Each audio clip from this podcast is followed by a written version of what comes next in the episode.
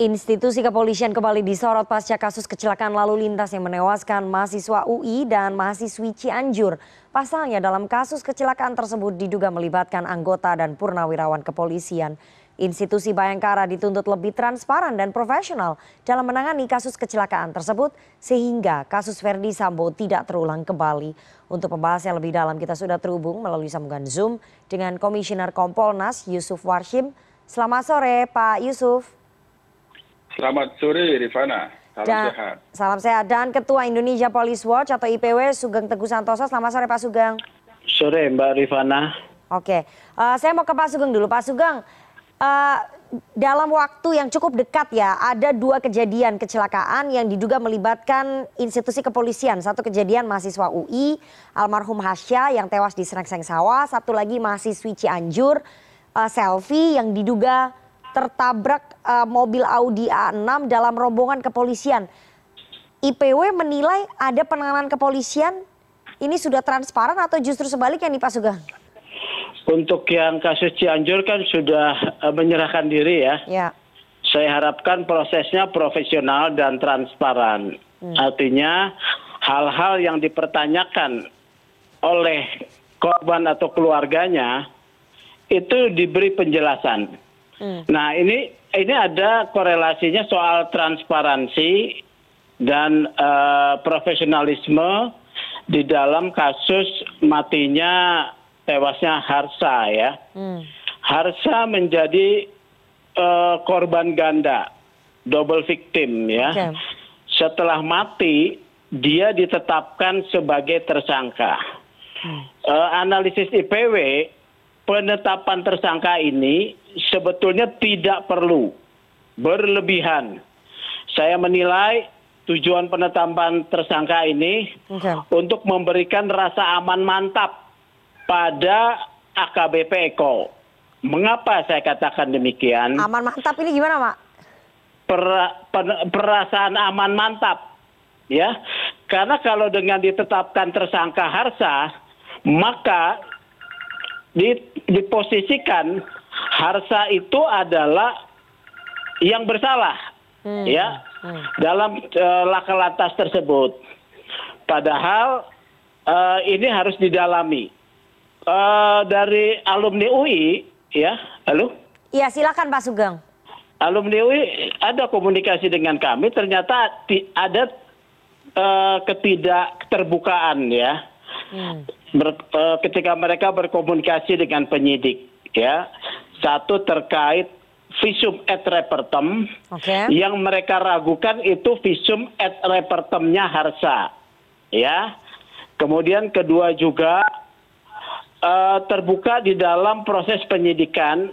Mungkin melalui perlu ada gelar perkara ya.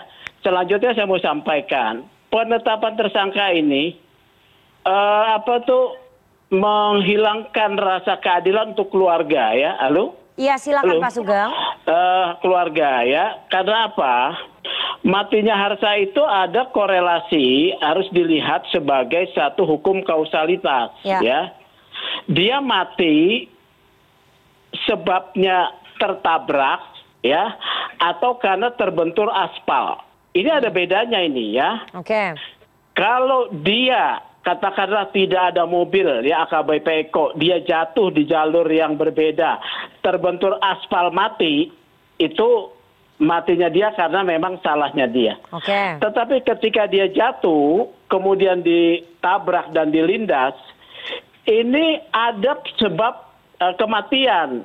Dalam teori kausalitas ada dikenal dua teori. Hmm. Satu, kondisio sin qua non, yaitu semua sebab yang menjadi akibat akan didalami sebagai satu bentuk pertanggungjawaban pidana. Hmm. Yang kedua, teori adekuat. Ya, adekuat itu faktor dominan apa yang menyebabkan kematian misalnya. Oke. Okay. Nah, ini kuncinya adalah pada visum et repertum. Oke, okay. yang visumnya gitu ini loh. tidak diberikan ya kepada yang tidak keluarga secara transparan. Oke. Iya, begitu. Oke, itu jadi kalau Anda menyarankan ada gelar perkara khusus. Betul ya, jadi dibuka. Ya, saya mau ke Pak Yusuf Kompolnas. Pak Yusuf, uh, Kompolnas ini bagaimana menilai penanganan polisi atas kasus kecelakaan mahasiswa UI Hasya dan mahasiswi Cianjur yang menyeret nama kepolisian?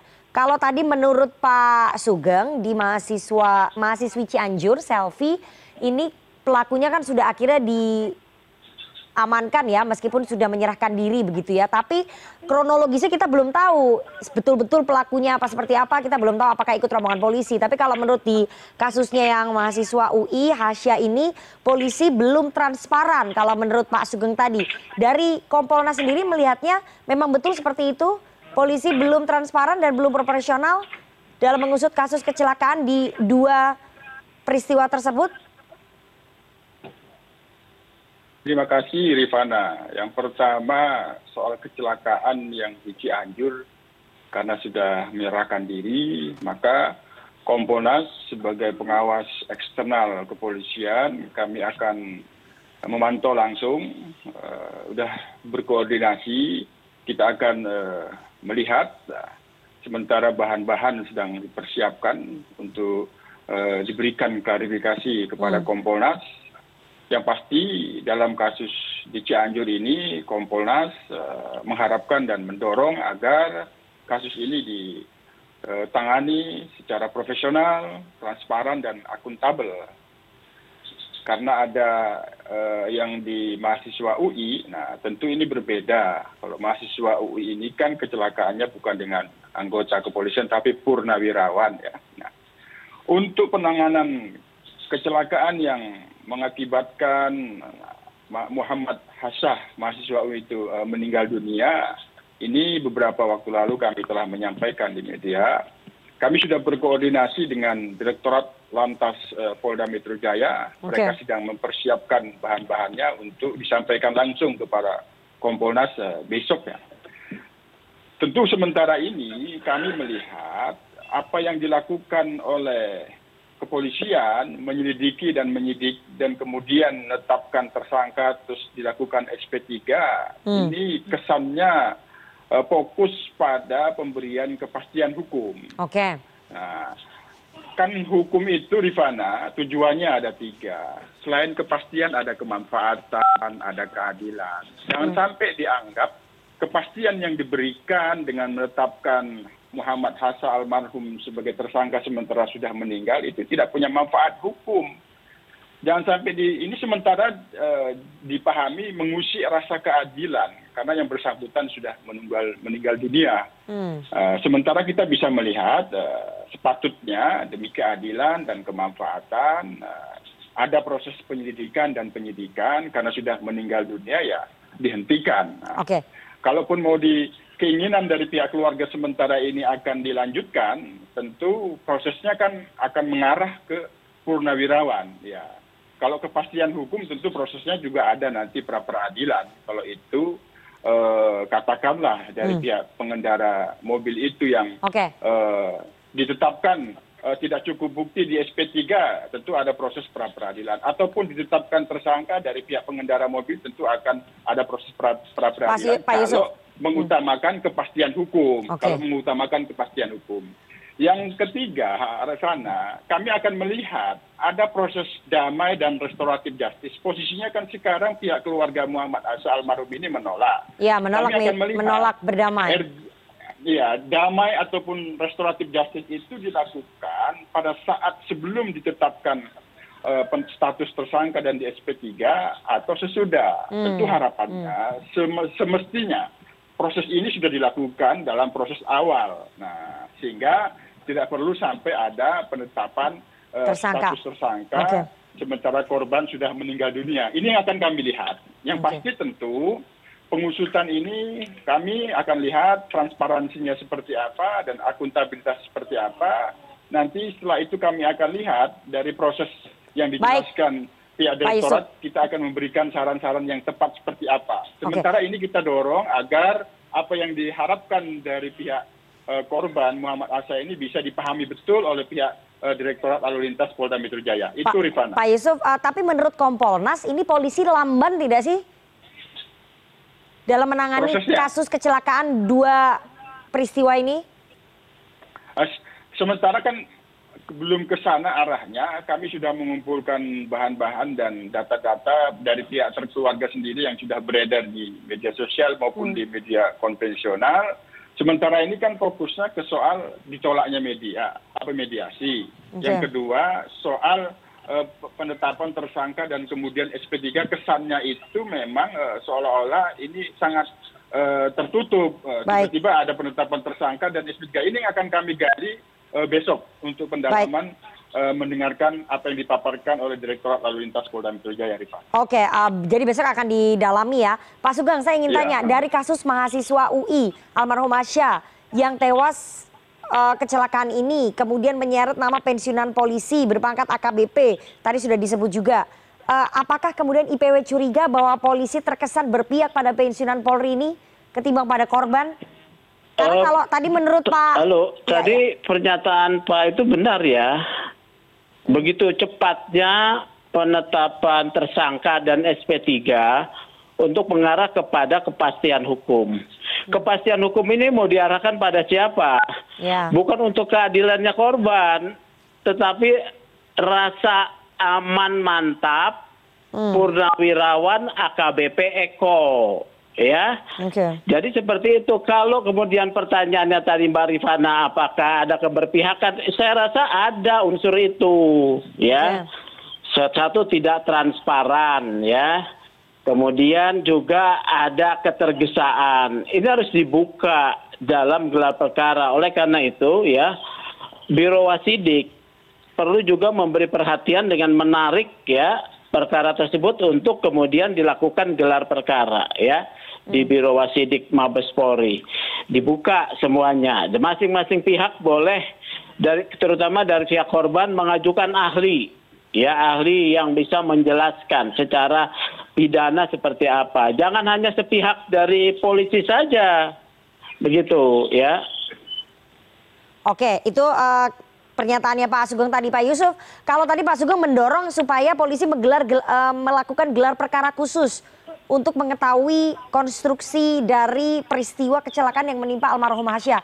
Dari komponas akan mendorong itu juga karena keluarga merasa pada saat gelar perkara ini tidak dilibatkan oleh kepolisian. Sementara keluarga punya rekonstruksi peristiwa yang berbeda. Kalau tadi ipw menyarankan supaya ada gelar perkara khusus dan keluarga dilibatkan gitu. Ya jadi rifana ini penyelidikan dan penyidikannya terkait dengan kecelakaan lalu lintas. Yang menangani itu bukan reserse atau badan reserse ataupun direktorat reserse kriminal yang ada di polda metro jaya tapi di direktorat penegakan hukum lalu lintas. Direktorat lalu lintas polda metro jaya di bagian penegakan hukum. Nah itu nah arah apa yang disampaikan oleh pak teguh itu dalam catatan kami salah satunya itu kita akan lihat besok ya gelar perkara itu ya sangat dimungkinkan. Itu yang akan kita lihat besok. Yang pasti sementara ini penetapan tersangka yang sudah meninggal dunia seperti itu itu dikesankan mengusir rasa keadilan gitu. Kalau orang kalau ini betul ingin memfokuskan agar ada kepastian hukum tentu kemanfaatnya itu sudah tidak ada lagi karena yang bersangkut almarhum itu sudah meninggal dunia. Dan ini mengusik rasa keadilan yang sekarang dirasakan oleh pihak keluarga korban. Ini yang kita tidak harapkan sehingga kami sudah mencatat betul apa yang diharapkan dari pihak keluarga korban. Kalau memang ini kasus ini harus dituntaskan tidak perlu ada sp tiga tentu muaranya akan ke pihak pengendara mobil itu. Nah tapi sekali lagi rifana kalau terkait dengan kepastian hukum tentu pengendara mobil itu juga punya hak untuk melakukan mendapatkan kepastian hukum seadil adilnya ya prosesnya barangkali nanti katakanlah ya rifana kalau kemarin ini kita mengandai saja kalau kemarin pihak kepolisian dirlantas pmj ini menetapkan tidak cukup bukti terkait dengan pengendara mobil telah melakukan penabrakan secara sengaja kemungkinan kepastian hukumnya bisa dilakukan sp tiga dari pihak kepolisian karena ini terbukti dari pihak keluarga muhammad asad bisa melakukan pra peradilan tapi kan ini sudah tidak seperti itu. Nah tentu sekali lagi kita akan lihat kronologi penanganannya seperti apa, transparansinya kepada pihak-pihak termasuk kepada pihak almarhum itu seperti apa sehingga kita bisa memberikan saran. Tentu catatan apa yang disampaikan oleh Pak Teguh untuk dilakukan gelar perkara khusus itu sangat Oke, itu akan dipertimbangkan ya oleh uh, Kompolnas. Ya. soal gelar perkara khusus. Karena itu tadi sebelum kita melakukan dialog ini saya sempat mewawancarai kuasa hukum dari keluarga korban almarhum Hasya dan dari kuasa hukum keluarga korban mengatakan memang tujuannya adalah harus dilakukan gelar perkara khusus oleh aparat kepolisian di mana keluarga bisa dilibatkan dalam gelar perkara khusus tersebut. Tapi kita nggak tahu nanti seperti apa. Kita tinggalkan dulu uh, kecelakaan yang menimpa almarhum Hasya, mahasiswa UI. Tapi ada satu kasus lagi soal mahasiswi Cianjur ini selfie. Pak Sugeng, soal kasus kecelakaan selfie mahasiswi Cianjur ini ada beberapa versi. Polisi membantah mobil Audi A6 penabrak mahasiswa itu ditumpangi istri polisi. Sementara penumpang mobil Audi A6 sudah muncul ke media mengatakan bahwa dia adalah istri polisi dan memang masuk rombongan diizinkan oleh suaminya yang polisi ketika kecelakaan uh, terjadi terhadap selfie ini mahasiswi Cianjur. Bagaimana kemudian melihat konstruksi peristiwa ini Pak Sugeng? Yang pertama ya, iring-iringan mobil kepolisian untuk kepentingan tertentu itu memang diatur di dalam undang-undang lalu lintas ya. Hmm. Diatur dalam undang-undang lalu lintas untuk diprioritaskan. Tetapi tidak juga mengikut sertakan istri ataupun keluarga ya. Karena keahlian daripada pengawalan polisi itu berbeda dengan sopir umum. Itu yang pertama ya. Yang hmm. kedua, kita kan sudah diperiksa, ini sudah diamankan ini eh, pengendara mobilnya. Ya diperiksa secara profesional, akuntabel dan transparan lah supaya tidak terjadi implikasi masyarakat mempertanyakan proses penyidikan tersebut yang bisa menyi, apa yang bisa mencederai rasa keadilan masyarakat. Yang ketiga hmm. ya, itu mobil Audinya juga perlu dilihat. Itu katanya plat nomornya bukan plat nomornya atau bagaimana diperiksa begitu ya. ya. Plat nomornya palsu. Dia katanya itu kan ada sanksinya sendiri. Mengapa juga pakai plat nomor palsu kalau itu memang dikendarai oleh keluarga polisi mengapa begitu apakah ada potensi penyalahgunaan kewenangan di sana ya jadi okay. begitu Mbak Rifana Oke, okay. uh, eh, tapi ini ada cerita yang berbeda. Makanya saya mau tanya nih ke Kompolnas Pak Yusuf, uh, polisi terkesan tertutupkah dalam penanganan kasus kecelakaan yang menimpa Selvi ini mahasiswi Cianjur? Karena ini uh, penumpang dari mobil Audi A6 ini sudah muncul majikan dari supirnya ini yang diamankan oleh polisi sudah muncul mengaku dia adalah istri polisi kemudian memang uh, janjian makan sama suaminya diizinkan masuk dalam iring-iringan rombongan polisi itu pada saat kejadian penabrakan ataupun kecelakaan terhadap selfie mahasiswi Cianjur. Ini polisi tertutup atau menghindar atau seperti apa, Pak Yusuf? Ya, kami sendiri sudah uh, koordinasi terus uh, memberikan apa namanya itu eh, saran saran agar kasus yang di Cianjur itu jangan sampai jangan sampai eh, sudah terjadi yang dialami yang itu eh, pada saat ini dirasakan betul dari pihak keluarga yang mahasiswa itu. Nah, ini tentu kesan untuk ditutup-tutupi kami akan pastikan itu tidak ada sehingga penanganannya ini dilakukan secara profesional, transparan dan akuntabel ya. Apa namanya eh, apa apa eh, diusut saja sebagaimana fakta-faktanya, tidak ada yang ditutupi. Nah, itu yang kita dorong Rifana agar okay. ini segera nanti kan akan dijelaskan bagaimana kronologinya, bagaimana iring-iringan itu terjadi. Sementara ini semua hal yang beredar informasi di publik itu sementara sudah kita minta untuk diberikan uh, klarifikasi dan penjelasan yang utuh ke publik. Itu Rifana. Baik, uh, Pak Sugeng berkaca pada kasus Sambo ya yang membuat kepercayaan publik terhadap Polri ini jeblok dengan adanya kasus uh, kecelakaan menimpa dua orang mahasiswa kemudian mereka tewas dan itu melibatkan anggota dan juga purnawirawan polisi. Bagaimana kemudian semestinya kepolisian menangani perkara kecelakaan seperti ini? Ini sebetulnya mungkin di mata kepolisian ini peristiwa yang sehari-hari terjadi, tapi karena menyedot perhatian publik, melibatkan institusi mereka, apa yang harusnya dilakukan?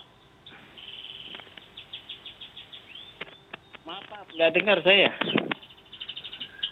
Halo. Oke, Pak Sugeng, berkaca pada kasus yang menimpa Verdi Sambo, kepercayaan masyarakat terhadap uh, kepolisian ini kan jeblok. Bagaimana kemudian kepolisian ini menangani peristiwa kecelakaan yang menewaskan dua Oke. orang mahasiswa, gitu? Iya, tampil tampilkan sikap profesionalis pro- profesional ya, transparan, terutama transparan ya. Perlu transparan karena transparansi ini yang apa menjadi titik tolak kepercayaan publik ya, transparansi. Hmm. Kemudian juga ya tentu akuntabel ya dapat dipertanggungjawabkan proses tersebut ya. Eh, tidak menjadi blunder karena kepentingan-kepentingan tertentu gitu. Begitu Mbak Rifana kalau Oke. kasus Cianjur ya. Jangan sampai jangan sampai blunder Pak Yusuf dari Kompolnas. Bagaimana supaya uh, ke depannya ini tidak terulang kembali Polri di mata publik tidak transparan begitu ya? Uh, evaluasinya apa terhadap profesionalitasan Polri dalam menangani kasus kecelakaan ini?